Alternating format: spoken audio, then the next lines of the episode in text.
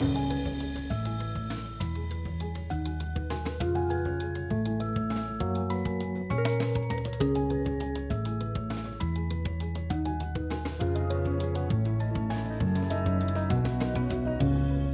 I dag skal det handle om noen av de viktigste bøkene, nemlig de eh, sakprosabøkene som er skrevet med tanke på å informere unge mennesker på en god måte.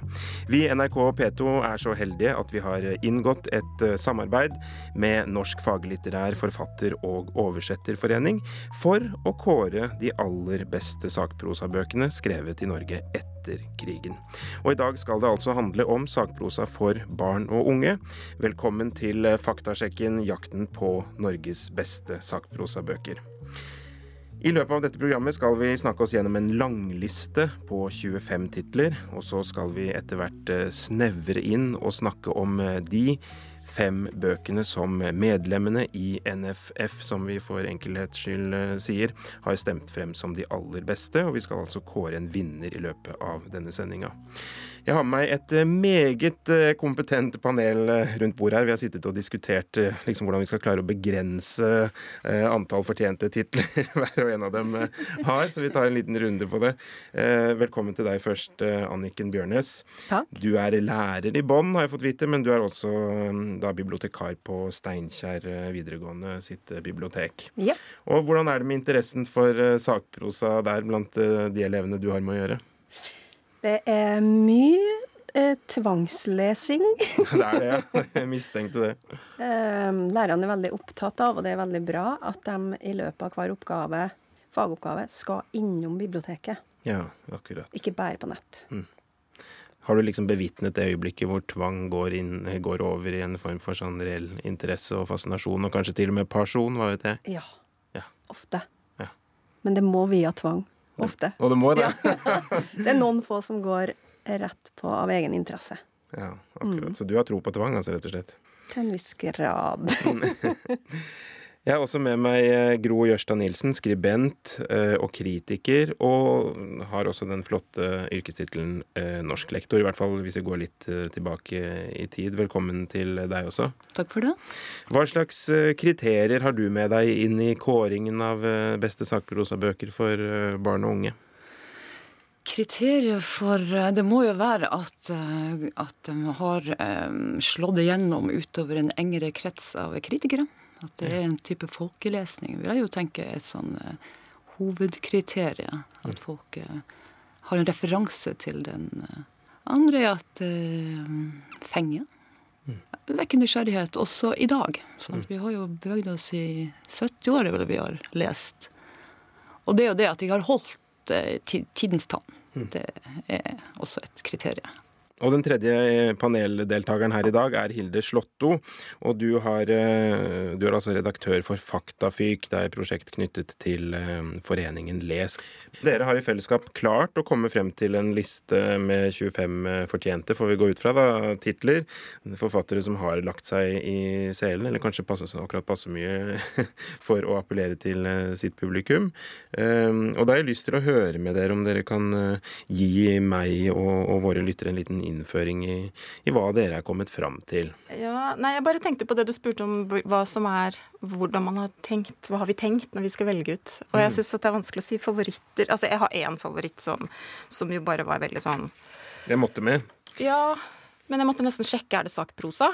Mm -hmm. eh, og det er Finn Carling sin bok eh, 'I et rom i et hus i en hage'. Og så ble jeg veldig letta når den sto at den også kunne ses på som en selvbiografi.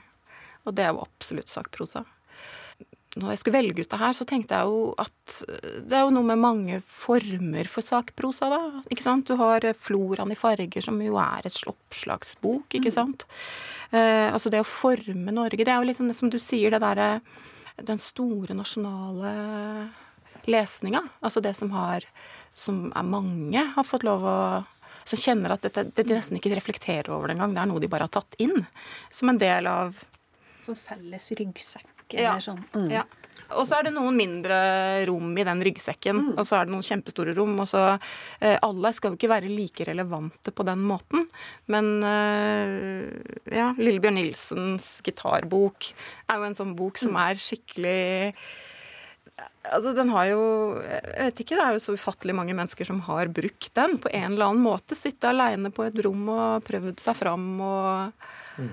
Eh, Og solgt i enorme opplag, Mm, og også solgt. den boka. ja. Så uh, da skjønner jeg rundt bordet at uh, det formative, eller bøkenes evne til å, til å forme barn og unge, har vært viktig for dere. Det som overraska med den lista her, når vi stemte den, ga det til NFF-medlemmer, det var jo at den boka om mensen, som ble skrevet i 2016, kom så høyt. Det syns jeg var litt bra og litt trist. Um, for det er jo klart at Det har jo bryter jo et tabu Eller skriver om noe som har vært tabu. Men det er litt dumt at den boka ikke kom før i fjor. Det overraska meg veldig. Og det er jo bra at den eh, forhåpentligvis holder. Det er jo det som er litt vanskelig med de her listene. Hvor lenge, de, de ferskeste bøkene. Det er vel ikke opp til oss å si hvor lenge de Om de holder tidens tann. Nei, vi aner jo ikke. Nei. Og vil eh, sakprosa ha noen mulighet til å forme unge i dag, tenker jeg, fordi at de vokser opp i et type samfunn, mediesamfunn med så mye påvirkning. Sånn som det gjorde for meg når jeg var lita, og dem som er eldre enn meg. For det er noen av dere, de sitter jo sånn i ryggmargen på oss. Blekkulf, kan jeg nevne.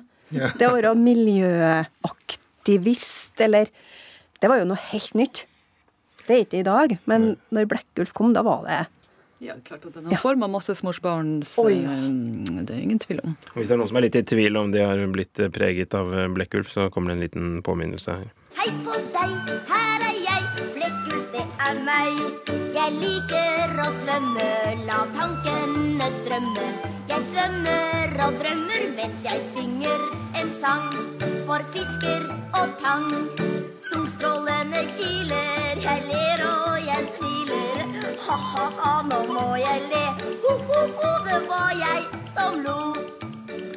Ja, det er altså Blekkulf. jeg vet Er dette kjært minne for noen? Det, det var, ikke noe, det var litt uh, rytmisk uh, utskeielse rundt bordet her, men det var ikke noe allsang, for å si det sånn. Hilde Slåtto, var du på nippet til å synge med? Nei, Blekkulf Jeg er nok litt uh, akkurat kommet inn i tenårene, og jeg syns ikke det kanskje var det kuleste. Nei, du distanserte deg litt fra Blekkulf. Ja, jeg gikk på ungdomsskolen og var vel ikke sånn Som deg, Hilde, så var jeg litt interessert i å distansere meg fra Blekkulf uh, så fort som mulig. Men eh, produsent for dette programmet, Silje Biermann, hun uh, veiver og, og, og holder nærmest opp plakater, for hun vil ha en ut, ut, utdypning hva gjelder denne eh, miljødetektiven Blekkulf. da, For å spørre dere pliktskyldigst, hva er det, hva er det med, med Blekkulf som har fascinert eh, såpass mye? Eh, Når jeg ser på årstallet her, 1990, står ikke det? Eh, Da var jeg 18 år. Eh, Men jeg hadde en lillebror som var sju år, så jeg tror nok jeg opplevde mye gjennom han. Samtidig som jeg var eh, da i en sånn veldig idealistisk fase med begynnende politikerkarriere og veldig engasjert i store, viktige spørsmål. Og samtidig fikk jeg litt barnslig gjennom eh, han attpåklatt lillebroren min. Eh, mens til meg så ble det eh, oppvåkningen av at miljø og natur og kampen for og regnskog og alt det der, det åpna seg en ny eh, verden for meg sånn sett, da. Mm, så derfor tror jeg den sitter igjen til meg. Gro Jørstad Nilsen, er Blekkulf en historisk Um, skikkelse? Jeg har også, i likhet med Anniken, eh, to eh, småsøstre. Så det, jeg forbinder også Blekkulf, eller denne type idealisme som eh, Jeg var jo voksen da. Når Blekkulf kom. Men det er at det var ting Jeg var også engasjert i, i miljø og den type Vi har ganske like referanser her. og så var det noe herlig å se at småsøsknene, som du på en måte tenker at de må vokse opp for de skjønner alvoret, så kommer det populær, ja, populærkultur, eller sakprosa det vi kaller det her. Men altså sakprosa som er, tar opp ganske viktig naturvernspørsmål nedover. Sant? Plutselig så kan eh, tiåringer være miljødetektiver. Og så klarer du å gjøre det til noe spenning. sant? Ta de som driver og ødelegger miljøet. Ja. Ja, så de skaper engasjement. Ut, ut og jakt på forurensere. Mm. Ja. Produsenten sitter og smiler fra øre til øre ute i kontrollrommet her over denne lille, gjennom, eller ganske store gjennomgangen av Blekkulfs eh, eh, hva skal man si, ettermæle eller et eller annet. Så jeg foreslår at dere går sammen om et eget Blekkulf-seminar i nærmeste fremtid. Og så må vi også gjøre oppmerksom på at eh, Blekkulf eh, ikke er en eh, skikkelse fra tidenes morgen, holdt jeg på å si. Dette er en historie skrevet av en forfatter, og hennes navn er Bente Rostad, og boka kom i 1990. Vi snakker altså om de beste sakprosabøkene skrevet i Norge etter krigen, og i dag handler det om bøker for barn og unge. Vi jobber oss nå gjennom en langliste på 25 titler, og skal snart også finne ut hvilke fem det er som er blitt stemt frem som de fem beste av disse. Men jeg nevner at foruten de vi har snakket om, så er Minken Fossheim på lista med eventyr om Grieg. Vi har Laila Thorsens eh, minner og dagboksnotater fra 1944 til 45. Eh, Den boka het Finnmark brenner. Vi har eh, eh, Tor Boman Larsen, han er en gjenganger på disse listene også, med Fridtjof eh, og Hjalmar. Vi har eh, Bernhard Stokkes 'Geir den fredløse', fortelling fra folkevandringen. Den kom i 1944. Bjørn Ausland 'Nordover' med Nansen mot Nordpolen. Her er eh, Nils Songe Møller og Elisabeth Juel Rasmussens bok 'Fra barn til voksen'. Unni Gjesters 'Småarbeider for barn i skole, hjem og barnehage', og Regine Stokkes eh, 'Regines bok' fra 2010. Erna Oslands dyrebare venner Jon Evos 'Nære på', og Jørn eh, H. Hurum og Torstein Helves 'Ida' fra 2011. Da var i hvert fall de aller fleste nevnt, men du nevnte Finn Carling, og jeg kan jo avsløre, siden jeg sitter med fasiten her, at han er den forfatteren som eh, med et eh, skrik egentlig da ikke kom inn på, på topp eh, fem-lista. Så i denne sammenheng så, så, så går han ut, men vi har et lite klipp som jeg har funnet i arkivet, hvor han kaster lys over denne boka i et rom i et hus i en hage fra 1976. For, for du forstår, det er noe av, av vitsen, syns jeg, med en bok som dette. At, at det setter i gang noe. Hvis du eh, Hvis du spør meg om utgangspunktet for boka, altså hvorfor jeg tenkte på å lage den Det ene er at eh, det føltes nok godt å, å oppsøke røttene i sitt eget liv syns jeg. Det kjentes godt. Eh, Dessuten var jeg opptatt av det ser hos de barna som omgir meg i dag, nemlig at de er forbrukere av fjernsyn, av ø, plastleker, av en slags miniatyrkopi av den voksne verden. Og ø, dette gjør at de blir passive. De skaper ikke selv. Det var det Finn Carling som eh, sa. Han døde i 2004. Og da er det noe med å nå frem til disse, hva skal man si, forbrukerne, som unge mennesker kanskje blir i økende grad. Ja, hva er det med Finn Carling, Hilde? Jeg ser at du har med deg boka, eh, rett og slett. Betyr det at det er noe høytlesning i gjerdet her? Og vet du hva, jeg, eh, når jeg tenkte på den listen, jeg sa det i stad at jeg hadde lyst til å ha han med på lista, og ble litt sånn redd for at det ikke var eh, sakprosa. Og så lurte jeg litt på hvorfor, fordi jeg kunne på en måte ikke huske den boka så godt. Men det jeg huska veldig godt, det var eh, at han sitter i studio og skal lese. Så sitter han, og nå er det bare sånn rein minne, aner ikke om jeg har ikke gått på YouTube og sett eller i arkivene på NRK, nå er det bare minner, og det er en brun pologenser i sånn polyester. Og så er det sånn kobbersmykke. Sånn tungt kobbersmykke. Eh, og så tror jeg at dette minnet blander seg litt med Haldis Moren Vesaas, som også leste litt sånn i pologenser og kobbersmykke. Men han hadde sånn tjukke briller, og så hadde han jo det kroppsspråket, selvfølgelig, eh, som var annerledes. Som gjorde utrolig inntrykk på meg. Og så For nå tenkte- snakker vi om Han hadde jo et fysisk handikap, ja, født, født med CP. Ja, CP. Og, eh, jeg husker også dette veldig godt. Det var vel Fikk bilde frem av Finn Carling med høye s- Og så da når jeg leste den nå på nytt, da, så ble det så utrolig Det var et møte med noe som hadde gjort så innmari inntrykk på meg som barn uten at jeg visste det. Og det er jo litt sånn morsomt hvordan minner fungerer. At uh, Jeg kan ikke huske jeg har lest den boka. Jeg tror kanskje jeg har hørt den, da.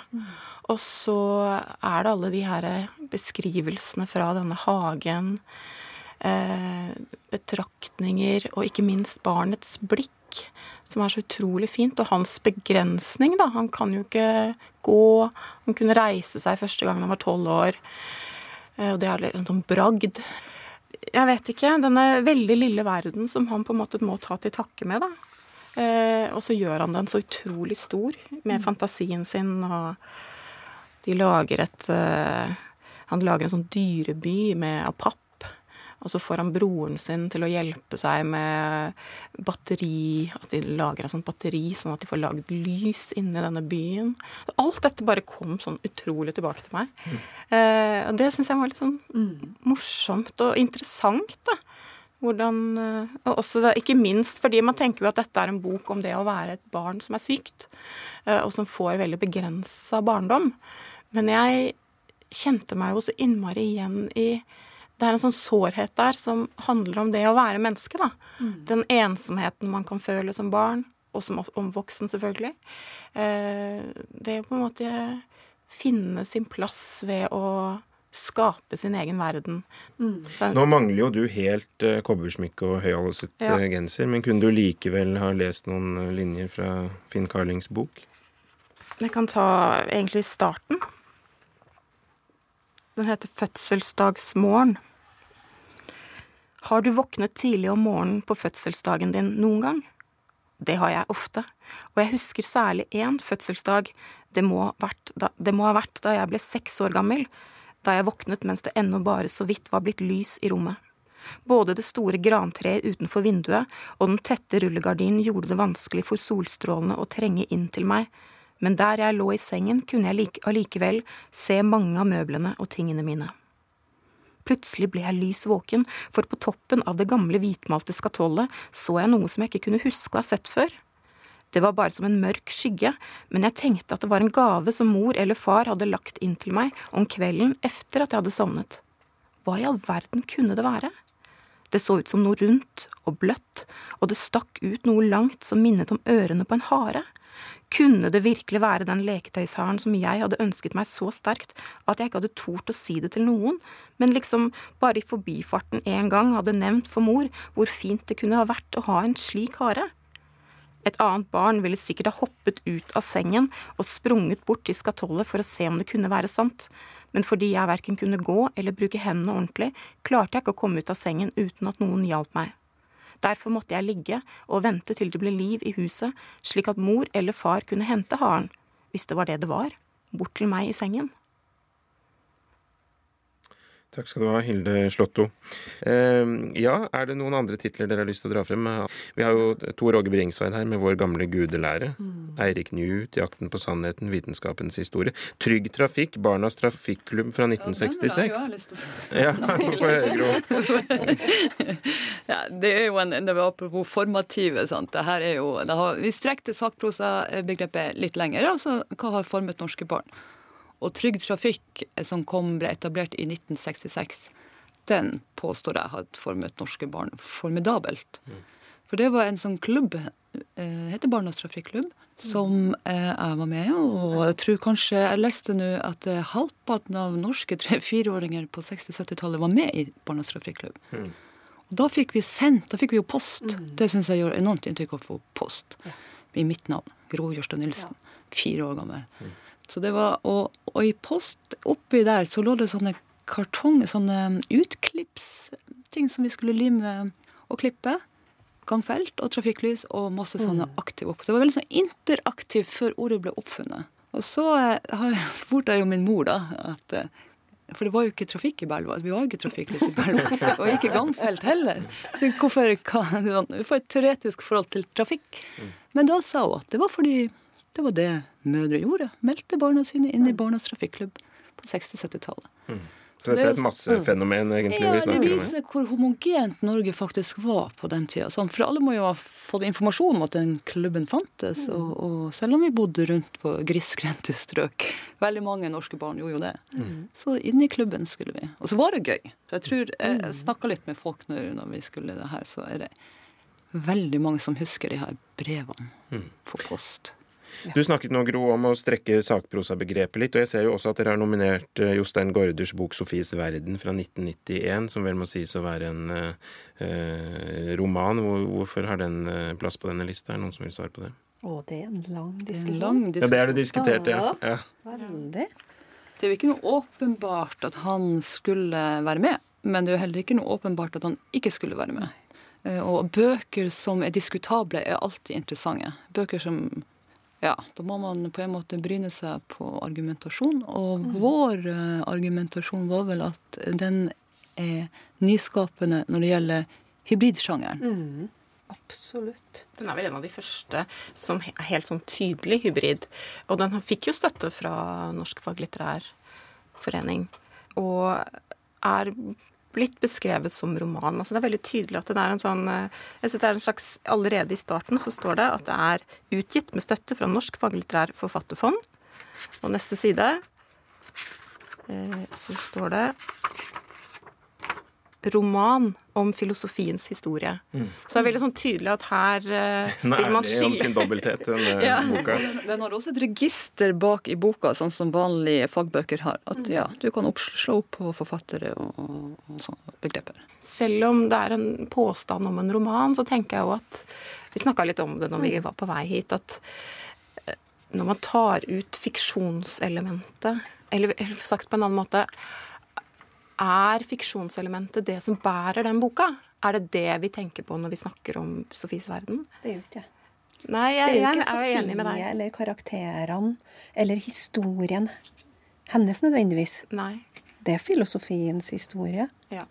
Jeg tenkte å nevne, altså det er jo, Når man ser på denne lista, så ser man jo noe som vi har sett i flere programmer, og, og, og bøkenes evne til å forme Norge eh, havner jo, eller henger jo ganske tett sammen med eh, hva skal man si, forfatternes eh, eksponering i, i TV-mediet. Vi har jo da eh, Torbjørn Egner her, selvfølgelig, som var en kjent eh, figur fra, fra flere TV- og radiosammenhenger. Og så har vi også Trond eh, Viggos eh, 'Kroppen', som ble laget i kompaniskap med Vivian Zahl.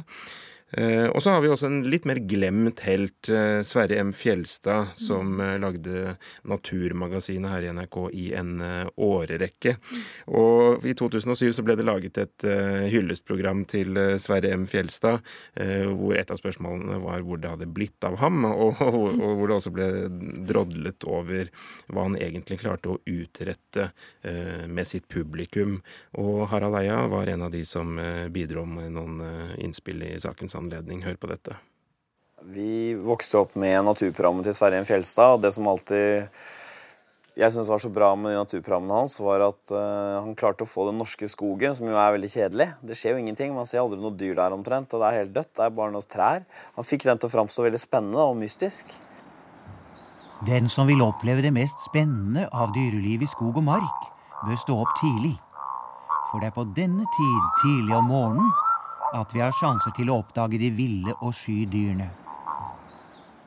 Og at den var liksom full av hemmeligheter og mysterier og, og liv. Sånn at eh, når man sa, gikk inn i skogen etter å ha sett et Sverre M. Fjelstad-program, så var opplevelsen av skogen helt annerledes. da. Selv om det egentlig ikke skjedde noe mer, men da var man liksom mer på alerten. Da visste man at det skjulte seg ting her. Det kunne være ting. Bak, Kongle kunne fortelle en hel historie om en elg som hadde dødd. og... Underliggjøring av, av en kongle og tilrettelegge det for et større publikum, det må jo være et veldig godt eh, kriterium her, holdt jeg på å si. Vi ser jo at flere av disse listene som vi snakker om i dette programmet, hvor vi kårer gode sakprosabøker under eh, overskriften Faktasjekken, så eh, er det en salig blanding av bøker som har formet Norge, altså en slags massefenomener, for å kalle det det, og de mer skjulte skattene. Gro Jørstad Nilsen, fins det noen skjulte skatter på, på denne lista, noe som er litt glemt, men som man med fordel kan trekke frem igjen i lyset? Ja, ja, for vi har jo vært, vi har sveipet innom um, Jostein Gaarde med det at han er jo det er hybridsjanger, som vi nevnte. Og en som virkelig kan det å skrive fengende, faktabasert historie, er Bernhard Stokke.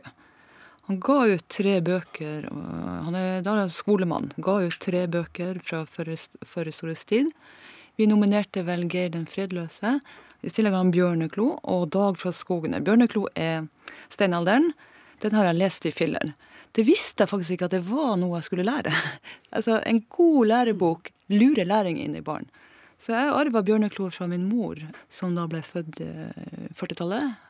Hennes, min morfar, var lærer, som eh, da har latt mamma lære om steinalderen via bjørneklo, som er interessante, spennende fortellinger om hvordan livet var i steinalderen. Mm. Så er dramatisering av historisk stoff. De holder virkelig kvalitet, altså. Jeg ble altså, imponert når jeg leste, leste. Han er altså så god. Eh, så hvis vi kan bruke det her programmet til å få folk til å gå inn og sjekke Bernhard Stokke, så har vi gjort en mm. Det er noe med Man har jo fordommer og rare tanker om hvordan man ikke sant? Du har liksom Filmavisen i hodet når du tenker at du skal gå inn og lese noe fra 40-tallet. At det er den stemmen.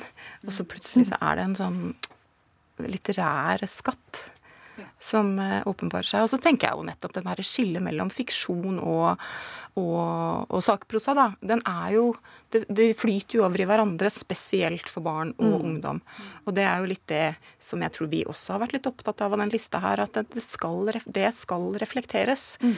Du har med en gruppe mennesker som leser og er skal jeg si, er, Barnets kompetanse er jo nettopp fantasien og mm. virkeligheten. Og de skiller ikke. De skiller sånn ikke, men, men, samtidig nei. gjør de det. Jeg tenker ja, at De vet også de veldig vet godt, godt hva som er virkelig som er, og ikke. Ja. Men for dem er det ikke viktig også å sette i bås. Nei, hva, og, og, og, hierarkiet, eller mm. ikke sant. Er det noe ja, som er viktigere enn noe annet, eller man kan, man kan fortelle om eh, steinalderen og bronsealderen i faktabaserte referanseopplysningstekster. Mm. Det er en valg.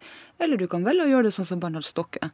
Eh, det er, jo, det er jo, likevel fakta. Mm. sant? Presentasjonsformen. Men han gjør det på en måte han forstår barnets behov for faktisk å oppleve spenning og underholdning. Og Det går ikke på bekostning av å lære noe. Det er der han er så briljant. Ja, og, og innlevelse. Og innlevelse. Ja. Og innlevelse. Vi skal ikke la oss forstyrre av det faktum at uh, hans bok, som er nominert til denne sammen, altså 'Geir den fredløse', kun har fått 3% oppslutning i denne kåringen. Dette skal like fullt være en uh, hyllest av en god bok. Og vi skal høre en liten opplesning fra 'Geir den fredløse'. Det er Arne Lie som leser. Det er et klipp fra skolekringkastingen i 1970. Geir våkner brått. På pallene i det store, lave huset ligger folk ennå og sover. Månen skinner ned gjennom jorden og på skrå bortover jordgulvet. Lyset treffer der en jordfast stein som folk i huset pleier å knekke margbein på. Geir ser et gammelt, skrukket ansikt som bøyer seg over åren og blåser i glørne. Varmen tar til å knitre, og nå skinner den på høgsetestolpene og de andre stolpene som bærer taket. Når varmen stiger og synker, ser det ut som det strømmer blod over bronseskjoldet til far. Geir strekker ut hånden og kjenner etter, men eh, liggeplassen til far er tom. Og dermed var eh, Bernhard eh, Stokke varmt anbefalt fra dette studioet på Marienlyst. Mm. Nå skal vi snakke om topp fem-lista, og aller først så er det snakk om en uh, folkekjær forfatter, får vi vel si, Tor Åge Bringsveid, og boka 'Vår gamle gudelære'. Og Vi skal høre et lite klipp med Tor Åge Bringsveid, hvor han snakker om eiendomsretten til den norrøne mytologien i Dagsnytt 18. Sånn som jeg ser det, så, så er eh, hele vikingtiden, runealfabetet, mytene, symbolene, alt dette ble på en måte tatt fra oss. Det ble stjålet og røvet av Quisling og Landsforræderpartiet. Etter krigen så, så, fanget vi tyvene og straffet dem, men tyvegodset har vi på en måte glemt å ta tilbake. Og det er det jeg reagerer på. Hm. Tor Åge Bringsveid, og det er altså snakk om boka 'Vår gamle eh, gudelære', eh, hvor da Tor Åge Bringsveid gjør rede for de kjente fortellingene i norrøn eh, mytologi, fra verdens skapelse til eh, Ragnarok. Og hva er kommentaren rundt bordet her til at denne boka har fått en femteplass i, i kåringen? Ja, det er vel ikke bare én bok. Jeg vet ikke hvor mange bind det kom. 13 bind er vår gamle gudelære. Det og akkurat ny, eller nyutgitt samla. Oh, er den det, ja? Ja, den er kjempeflott. Det er vel helt, helt på sin plass. Mm. Det er helt på sin plass, og det er veldig bra. Og det er jo det, eh, han har jo helt rett, Tor Åge Bringsværd, å si at eh, det norrøne ble eh, Det var så betent etter krigstiden at vi også har lært for lite. Vi leste islendingesagaer liksom, for å lære oss det, men ikke, ikke noe gjennomarbeida undervisning i, i norrøn eh, mytologi. Nei, og det er litt som han sier jo selv i et etterord. Da sier han at det, det bare er brokk som, har blitt, ikke, som ikke har blitt satt sammen engang. At vi har ikke noe kunnskap om det. Vi har ikke tatt det til oss. Det bare er sånne eh, som bare er litt i løse lufta. Vi mm. vet jo Thor med hammeren, og vi vet alle de her karakterene. Men disse historiene som Johan da setter sammen igjen, og så sier han det er ikke sikkert det var sånn det skulle være, men sånn velger jeg å gjøre det. Og så ligger det også et sånt prosjekt i det å, å si at uh, mytene er felles eie. Mm. Og jeg får lov å gjøre det på denne måten. Å endre det er i natur med mytene. Det er, sånn, det er jo sånn mytene har levd. De endrer mm. seg ettersom man forteller de. Og, så han har jo et veldig sånn sterkt prosjekt. Mm. Hvor mye har avsenderen Vi hørte han jo i dette klippet her. Han er jo en mm. enormt god formidler. Hvor mye mm. har avsenderen å, å si for, for, budskapet, Anniken? Veldig mye. Han er vel en av de få jeg har kunnet tenke meg å ha hatt med på en øde øy når du får det spørsmålet. Da er det Tor Åge Bringsvær. Og han er en fantastisk formidler, men jeg, tror, jeg syns han får det han får det gjennom i bøkene sine. da. Og han har en helt egen evne til å uh, skjønne uten at det blir påtatt eller tilgjort på noe vis, eh, hva som foregår inni et barnslig hode, eller en, et ungt hode, da. Eh, han er akkurat som når jeg hører en eh, fortelle sjøl, og så er han er et voksent barn, og da tror jeg han, han klarer å formidle genuint og ekte og troverdig. Og troverdighet er òg knytta opp imot god sakprosa.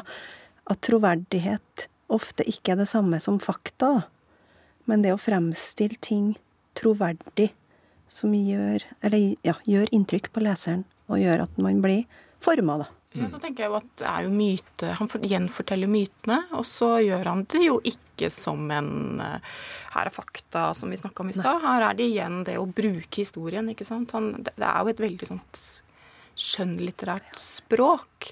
Og sånn fortellerglede for, altså, som bare skinner ja. gjennom. Ja, det det jeg syns er veldig bra med det her, jeg har jo undervist litt i det her i videregående, det at han klarer å få frem personligheten til gudene. Mm. Altså Man sier liksom i lærebøker guder og mennesker var lik hverandre.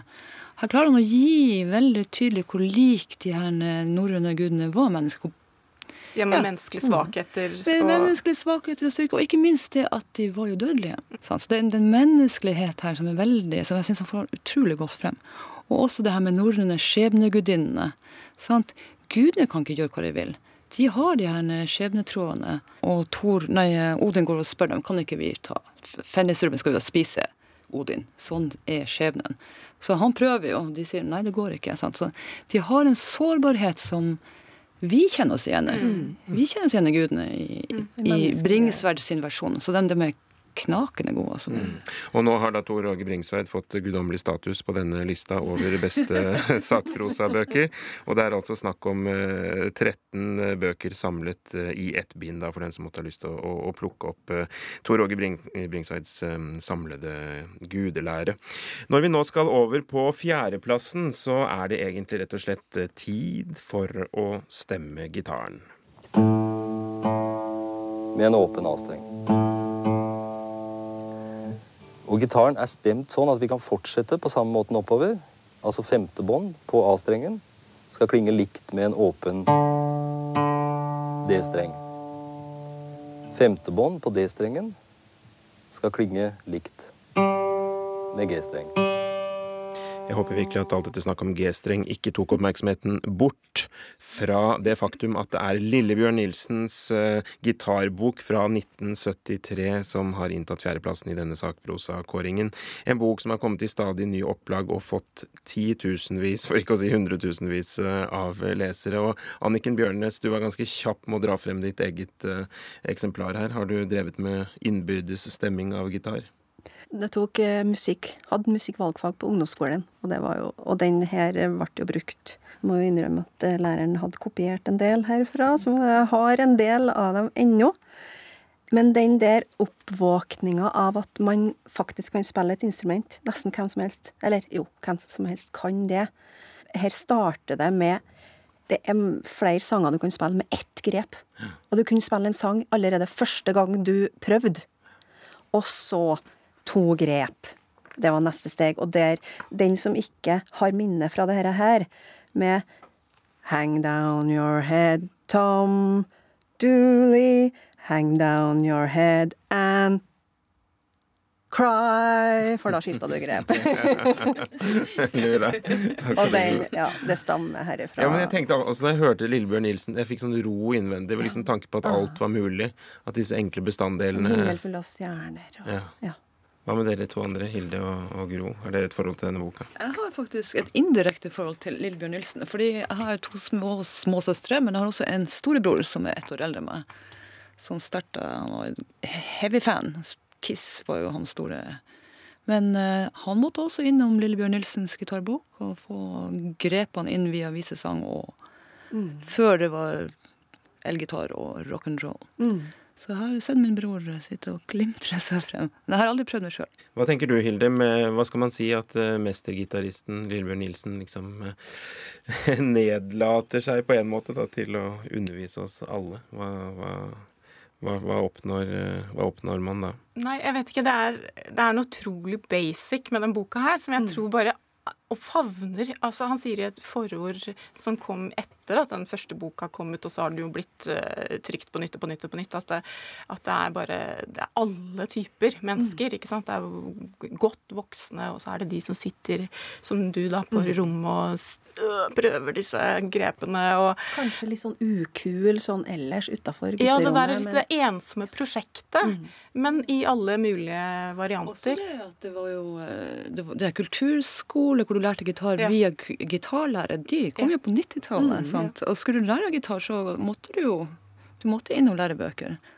Eh, og Lillebjørn Nilsen. Han var jo vel the one and only. Ja. Og, og, så, og så tenker jeg Jeg bare så det første setninga i boka er Og da tenker jeg liksom dette er sånn ur-basic. Mer basic kan det ikke bli.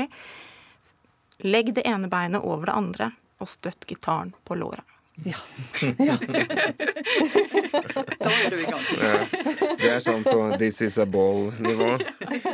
Veldig bra. Så Lillebjørn Nilsen, eh, gratulerer, holdt jeg på å si. Lillebjørns gitarbok den er da på en fjerdeplass. Og fra kunnskap om elementær, elementært gitarspill til kunnskap om kroppen.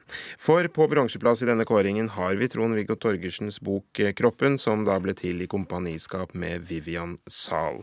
Boka kom i 1983, og Trond-Viggo Torgersen han har redegjort for både det ene og det andre på NRK TV. Og her hører vi han redegjøre for eh, hva som skjer når eggceller møter sædcelle. Da kjenner jeg at nå nærmer seg eggcellen, og så vet de akkurat hvor de skal. Og så begynner de å løpe. Husj! Og så blir det færre og færre, og når det kommer fram, så er det bare én igjen. Og den ser sånn ut omtrent. Og der er egget. Og det er bare én som kan Ja, det er ikke bare én igjen, det er jo en hundre stykker igjen når de kommer fram, men det er bare én som kan befrukte og blande seg med eggcellen. Sånn. Inni der. Og så blander det seg godt. Så blander det seg godt. Dette er en klassiker av et klipp eh, etter hvert, eh, og det er liksom ikke til å ta feil av hvordan dette foregår når Trond-Viggo Torgersen gjør rede for det. Og du sitter med denne boka også, du Anniken Bjørnes. Eh, Er den relevant, vil du si, i våre dager? Den var den første jeg tenkte på når jeg begynte å skulle sette sammen den lista.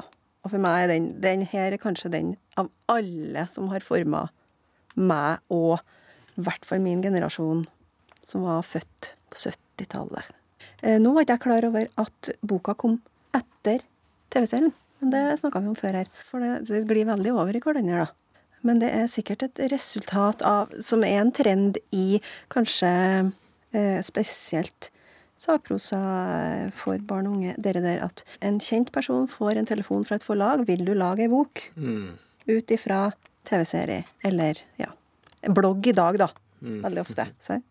Men dette er jo veldig vellykka resultat av en sånn idé i et forlag eller hos Trond-Viggo, det vet ikke jeg. Hilde Slåtto, hva syns du om kroppen? Nei, jeg syns den er helt uh, fantastisk. Jeg syns det er eh, Det jeg syns er så gøy med den, er nettopp at den kommer fra TV, og så gjør den, gjør den et eget, noen egne ting, da. En egne grep i boka, fordi det er bok. F.eks. For eksempel Vivian Zahl Olsen sine Mm. helt fantastiske illustrasjoner. Som eh, Jeg føler jo at hun får fulgt meg hele barndommen. Ja. I alle mulige former. Det er på en måte en sånn strek som virkelig er sånn Ja, den føles litt sånn hjemme. Det jeg syns Jeg satt og leste for min sju år gamle sønn i går. For eh, å teste ut hvordan funker kroppen nå. Eh, Og så begynte vi å lese det kapitlet, som jo er det mest spennende kapitlet, men også litt sånn gru, grufullt. Og det er jo den, det kapitlet som heter Starten, og som handler om eh, hvordan mennesket blir til. Og det jeg syns er så utrolig fint grep, er at eh, Trond-Viggo velger å sette da en gutt og en pappa sammen og skal snakke om hvordan mennesket blir til. Og så blir pappaen så utrolig flau, og han svetter. Og så setter han sønnen sin på fanget og stryker han på ryggen, og så kjenner gutten at hånda blir litt sånn svett. Og det er på en måte vi Og da jeg kunne sitte der med min sønn, da, så kunne jeg på en måte kunne vi se, se på de og si åh, nå blei de flau. Mm. Og så kunne vi på en måte la den der flauheten være noe som den pappaen og den sønnen bala med. Mm. Og så kunne jeg og sønnen min se litt på det og le litt av det. Eh, og så kom vi jo til det der eh, avsnittet som jo er sånn grufullt å lese høyt. Skal jeg lese det? Ja, absolutt. Verdens beste teaser, spør du meg. Øyvind kjente at far ble varm, og at hånden stanset. Ja, og det er at jeg putter tissen min inn i det lille hullet bak tissen til mor. Far sa det fort og så rett ut i luften. Og der inne er tissen stiv og hard, men allikevel kjennes det mykt og veldig, veldig godt. Far var rød i ansiktet, men han så glad ut. og det som skjedde når jeg, når jeg leste dette da til min sønn i går, det var at han først så sa, var han helt sånn vantro. Og så, og så sa han bare nei. Og så sa han 'les det en gang til'. Ja. og så leste jeg det en gang til, og så holdt han på å le, sa jeg. Og så sa han 'les det en gang til'.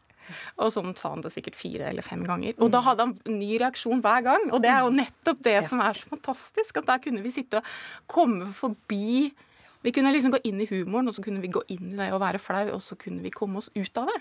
Og så hadde den pappaen og den sønnen båret det verste den verste delen av den samtalen. Mm. Vi som vokste opp med dette, å få en sånn TV-serie og en sånn bok, er kanskje den første generasjonen som har akkurat den opplevelsen i lag med foreldrene våre. For nå var det trygt for foreldrene å snakke om det helt umulige, fordi at du distanserer det til noe du ser på TV-en eller noe du leser i bok. Mm. Jo, men Det er jo en ganske omfattende bok om kroppen, da. Ja, da. Det lille avsnittet ja. ditt er jo faktisk er ikke noe mer om, om, forplantning, så er det jo ganske mm. lite. det er jo veldig dominerende. Jeg syns han er veldig god i måten han er så nøktern. Jeg, jeg var ikke faktisk når jeg leste den om igjen, hvor saklig og informativt. Mm. Litt moral. Må ikke spise for mye fett, for da blir du tjukk. Må ikke mm. røyke, for da mister du formen. Altså sånn Veldig sånn praktisk tips og råd om hvordan holde kroppen i form. Mm. Og det sykdomsleksikonet som man har. Så en veldig sånn nøktern. Men det er jo illustrasjonene som, er, som gjør denne boka. Mm. Det mener jeg. Den teksten ville vel neppe stått alene uten Vivian Zahl Olsen, som løste det her på en veldig artig måte med lille mm. Trond-Viggo som rusler rundt og løper med Grete Waitz. Og, og blir født med briller. Blir født med briller av seg sjøl. og sitter lenge med termometer i rumpa og mm. spiller tromme og ja. Så Anniken sitter og blar her, så jeg faller helt i staver over disse tegningene. Det er jo helt utrolig hvordan de sitter i, i sjelen. Ja, de er virkelig en del av vår Ja. Mm. Så gratulerer til Vivian Zahl Olsen og Trond-Viggo Torgersen med bransjeplassen i denne kåringen.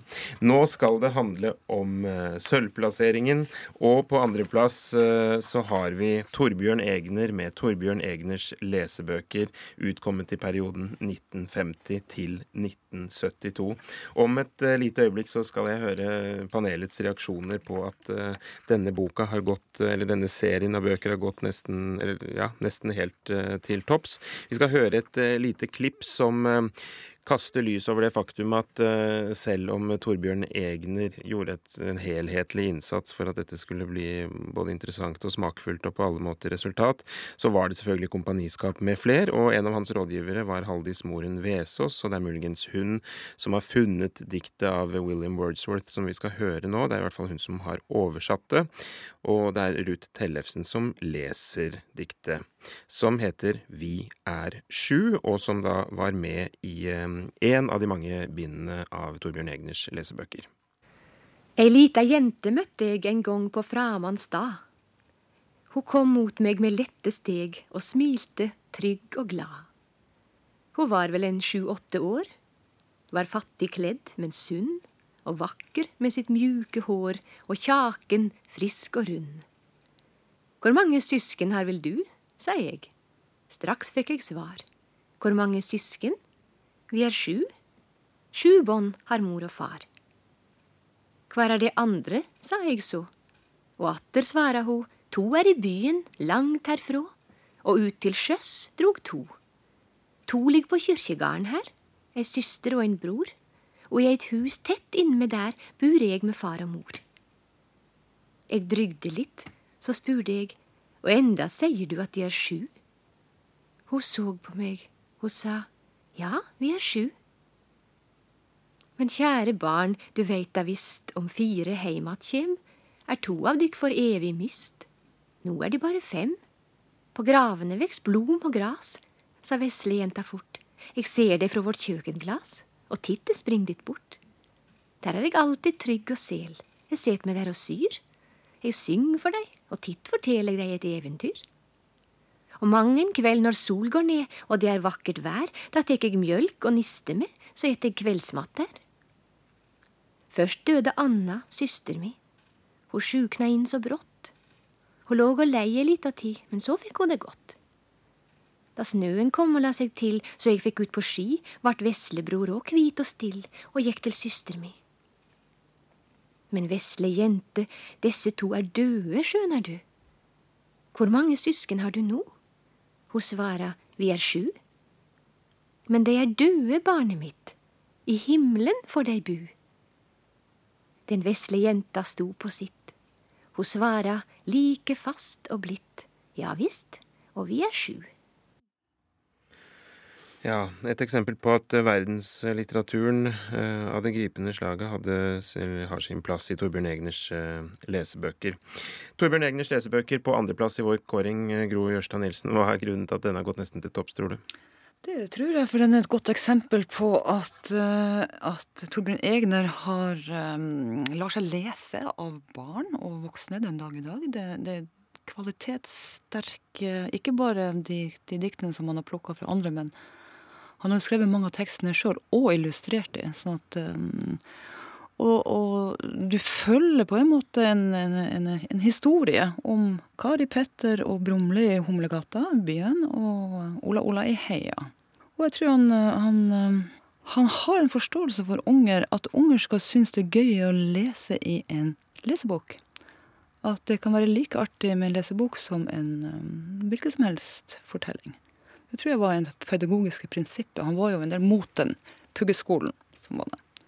Og så er det den uh, menneskesynet. Du skal være grei og snill. Og for mm. øvrig kan man gjøre hva man vil. Som formidles her. Jeg tror barn kjenner seg igjen i det. Det er en sånn rettferdighetssans i, i tekstene hans. Som, eller han vil gjerne Han appellerer til barns rettferdighetssans og fantasi. Mm. Eh, når jeg blar i den nå, så er det, det er et eller annet jeg husker ikke noen konkrete historier eller vers eller sånn, men det er formen der at du kan hoppe litt hit og dit, og du må ikke starte på begynnelser nødvendigvis, og du kan lese forskjellige typer tekster, korte og lengre historier, alt etter humør og lyst, og det er litt sånn litt opp til deg som leser, og velge hva du leser, og ja. Ja, Hilde, har du noen reaksjon på andreplassen her? Altså For meg var faktisk det å, å, fordype meg litt i det her litt sånn nytt møte med en egner jeg ikke kjente så godt. Og jeg ble så utrolig imponert. Jeg må si jeg ble skikkelig Jeg ble nesten litt sånn Er det dette ja, men da skjønner jeg på en måte Det var et eller annet som gikk, det gikk opp for meg. En ting er jo, Jeg jobber i Foreningen Les, og her, den filosofien til Torbjørn Egners lesebøker det er akkurat det vi driver med. Mm. Det er det å plukke gode ting. Han sa jo sjøl at det her er det viktigste han har gjort. Tenk ja. Vi kjenner han gjennom Kardemommeby og Karius og sånn, men han la jo sjela si i det her. Mm. Og det syns jeg var også overraskende. å ja. det, det, å ha tro på kvalitet. Mm det å ha tro på nettopp det vi snakka om, å ha, ha, tro på leseren. da. At leseren klarer å ta imot mm. kompliserte ting, men også lette ting og triste mm. ting. og mm. Altså Det der et, et mangfold. da. Mm. Det å belyse en Jeg har sett mest på de bøkene han skrev for uh, 7., 8., 9. Uh, og det er verdenslitteraturen, det er verdenskunsten. Det er liksom det der å gi de muligheten til å fordype seg, men også si nei, dette syns ikke jeg var så gøy, og så gå videre til noe annet.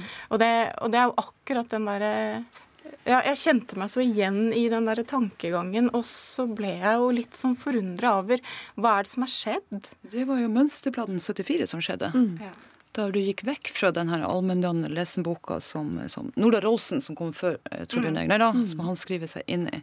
Hvor du skal skape en sånn ja, felles kunnskapsrepertoar, som det heter. da. Mm. At vi skal ha felles referanser for historie, geografi, samfunnsfag, litterære klassikere og sånn. Da skal vi nevne at eh, Nordahl Rolfsen og Torbjørn Egner møtes eh, til dyst i kategorien for lærebøker i et av våre senere programmer, da, når vi skal eh, diskutere oss frem til gode sakprosabøker under en annen overskrift. Men dere, nå skal vi rett og slett over på dagens eh, førsteplass. Hvilken bok er det som har gått helt til topps?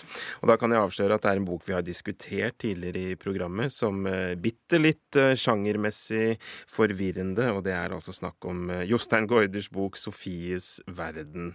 Den er stemt frem som den aller beste sakprosaboka for barn og unge, og jeg lurer på, har jeg med meg Jostein Gaarder på telefonen, mon tro? Ja, her er jeg. Ja, har du skjønt, eh, skjønt alvoret, holdt jeg på å si?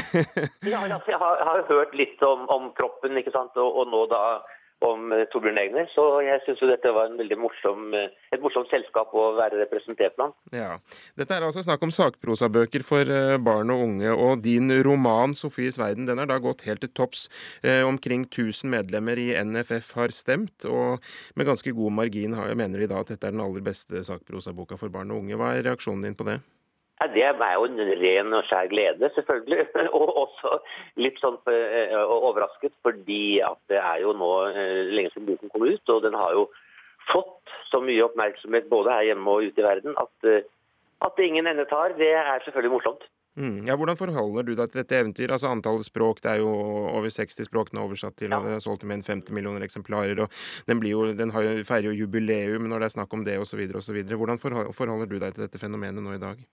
Nei, altså, det, det, det, var liksom ikke, det var en bok jeg skrev eller utga i 91, og så er det jo en, en, en bok, selv om jeg har skrevet mange andre bøker, som, så er det en bok jeg har, har levd eh, ganske intimt med, faktisk. eh, Fordi det har skjedd ting eh, i, i, i nye svinger. ikke sant?